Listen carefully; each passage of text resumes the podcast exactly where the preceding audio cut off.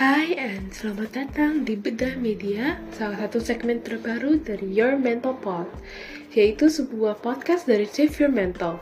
Kalau kalian ingin tahu lebih dalam tentang Save Your Mental, silakan ke IG mereka at Save Your Mental ya. Hai hai, halo pendengar podcast Your Mental Pod, welcome to Bedah Media bersama host kalian Adia.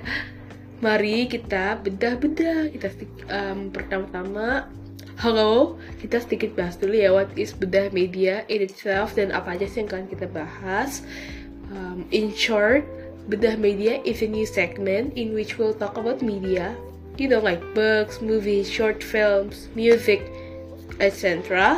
Dan nantinya itu kita coba ke kaitin ya ke kesehatan mental, whether it is through our experience or others because sometimes I think we like to forget that in media ada beberapa pembahasan tentang mental illness and or its depiction. Um, definitely we're not going to talk about the glamorization or romanticization ya. And for today, we'll discuss uh, on Matt Haig's Reasons to Stay Alive kalau di bahasa Inggrisnya, tapi kalau di bahasa Indonesia judulnya Alasan untuk Tetap Hidup. Oke, okay, uh, warning banget tema hari ini tuh agak sedikit berat ya karena involve depression, attempted suicide, suicide and anxiety etc. So you know in case uh, one of those or all those triggers you a lot, gak apa-apa buat skip episode pertama ini dan mungkin bisa come to our second episode dan mungkin di second episode uh, hostnya ganti karena kebetulan kita ada dua ada aku sama ada temen aku Kak Fafa yang unfortunately he Kia nggak bisa uh, join untuk episode pertama ini. Oke, okay, karena emang topik kita ini agak berat ya, kita ngobrol santai itu aja ya, biar kita kenalan terlebih dahulu. So, um, about my week so far, yeah, it has been great walaupun agak sedikit bolos karena aku sering kesiangan, and yeah, I'm a little bit sick lately. But guess what? At least I've reached my 17 days free from self-harm sih which I think it's an achievement in itself. Dan ya bisa dibilang lagi fokus aja uas maklum Okay, oh yeah, and hello to everyone. I forgot to introduce myself. My name is Adia Paramita Putri Pratama. You can call me Adia for short. I'm a full-time college student at Universitas Pemunan Jaya, majoring in communication science with a minor in broadcast journalism. I'm currently in my fifth semester or third year in college. Dan gak usah tanya ya gimana kehidupanku di semester ini because I think we all know the answer to it. Anak semester 5 kalian pasti tahu jawabannya. Oke, okay, dan soal buku ini aku tuh kebetulan belinya di Shopee uh, karena awalnya tuh tertarik uh, apalagi dengan judul kayak gitu ya dan apa covernya dan pas banget tuh aku baca beberapa episode uh, I would say episode beberapa chapter pertamanya. Aku merasa wow this book is so worth it. Aku nggak nyesel sama sekali and I would highly recommend people to read this. Okay are you guys ready to hear about this book? Are you guys do you want to know more about this book let's get started. Well, technically, ketika kita buka bukunya pertama kali, kita akan kaget ya. Kita kan melihat bahwa, oh buku ini cuma ada 5 bab. Kita tambahin lah ya, ada buku ini mesti ada catatan singkat, catatan lebih lanjut, catatan ucapan terima kasih. So, ya, 5 bab dengan additionals kayak gitu. Tapi ternyata kalau kita baca lebih lanjut, tiap bab itu dia punya subbab subbabnya tersendiri karena ya itu menurut gue yang menarik. Karena sebab ini nggak ditampil loh di daftar isi. Coba lu cari buku. Ya pasti rata-rata ada tuh subbab ya kayak oh bab itu ini ini ini. Itu di sini tuh enggak ya. Oke dan uh, aku sayangnya banget ya tapi aku baru baca di chapter pertama belum nyampe chapter 2 karena ya uh, ya salah kuliah. Tapi bisa dibilang for the first two chapters for me it's really it's really amazing. It amazed me. It mesmerized me a lot. And hence why I recommend you all to read it. So what does this book talks about? Yeah. Well this book though will be focused on Matt's battle with depression yeah specifically which is why I find it interesting. Dia tuh nggak lagi bikin fanfic atau novel or based it on someone but he's writing his own journey he's writing his own battle.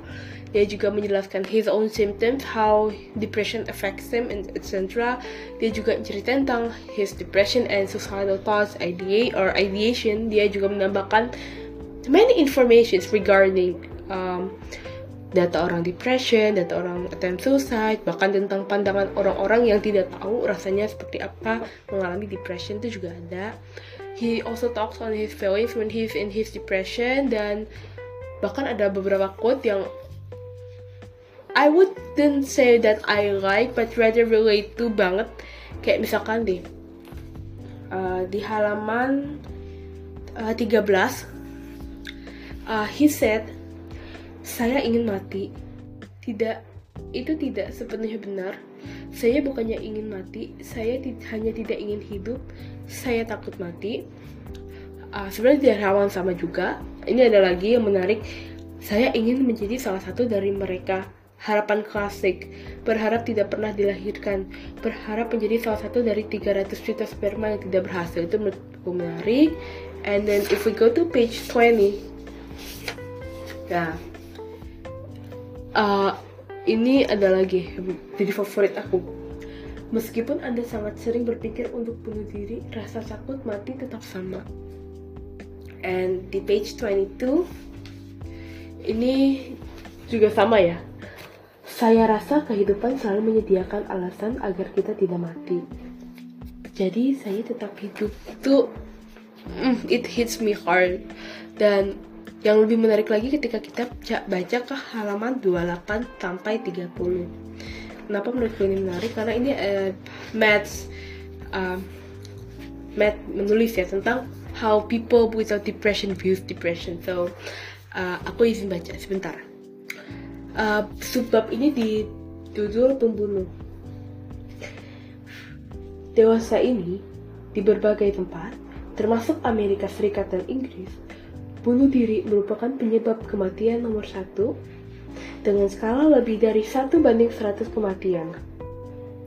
Menurut statistik WHO, bunuh diri merupakan penyebab kematian yang lebih besar dibandingkan kanker perut, sirosis hati, kanker usus, kanker payudara, dan Alzheimer. Karena orang-orang yang bunuh diri kebanyakan menderita depresi, depresi adalah salah satu penyakit paling mematikan di planet ini. Depression memakan lebih banyak korban daripada bentuk-bentuk kekerasan seperti perang, terorisme, kekerasan dalam rumah tangga, serangan fisik, dan kejahatan dengan pistol. Bahkan jika semuanya digabung menjadi satu. Yang lebih mencengangkan, Depresi adalah penyakit yang sebegitu parahnya sehingga penderitanya menyebabkan kematian bagi diri mereka sendiri, tidak seperti penderita-penderita penyakit lain. Namun, banyak orang tetap beranggapan bahwa depresi tidak separah itu. Seandainya mereka menganggap serius depresi, mereka tidak akan mengatakan hal-hal yang biasanya mereka katakan. Halaman 30 ini uh, dikasih judul pendapat awam tentang depresi yang tidak mereka utarakan dalam kasus-kasus lain yang membahayakan nyawa. Ayolah, aku tahu kau sakit TBC, tapi kan tidak separah penyakit lain. Setidaknya tidak ada yang mati karenanya. Menurutmu, kenapa kau terkena kanker perut? Ya, aku tahu kanker usus memang berat, tapi coba aja hidup bersama orang yang kang sakit kanker usus. Astaga, bener-bener mimpi buruk. Oh, Alzheimer. Iya, iya, aku paham. Aku juga sering Alzheimer. Meningitis ya? Lupakan saja. Ini semua cuma masalah pikiran, bukan sungguhan. Ya, ya, kakimu memang terbakar. Tapi kalau dibicarakan terus juga tidak akan membantu, kan? Oke, okay, ya, ya. Mungkin parasutmu memang tidak terbuka, tapi ceria sedikit lah. So, now you get it kenapa aku begitu interested in this book so now if you're if you're the one who's interested in wanting to know how someone with depression live um, atau how people views atau kalian pengen cari data uh, dan ini bukan dalam bentuk yang depresi itu diromantisasikan ya atau diglamorasis glamorisasikan. Actually this book is pretty good. Dan buku ini tuh bener-bener ya dari orang yang memang mengalaminya langsung dan ada keinginannya. So yeah buku ini memang sangat worth it. It's just unfortunate aku belum baca sampai akhir tapi emang ya buku ini bagus banget And thank you all for today. Next month kalian akan ketemu dengan host nomor 2 yaitu Kak Fafa. Hai guys, jangan lupa slogan kita apa? Mari kita bedah-bedah. Dadah everyone. Goodbye.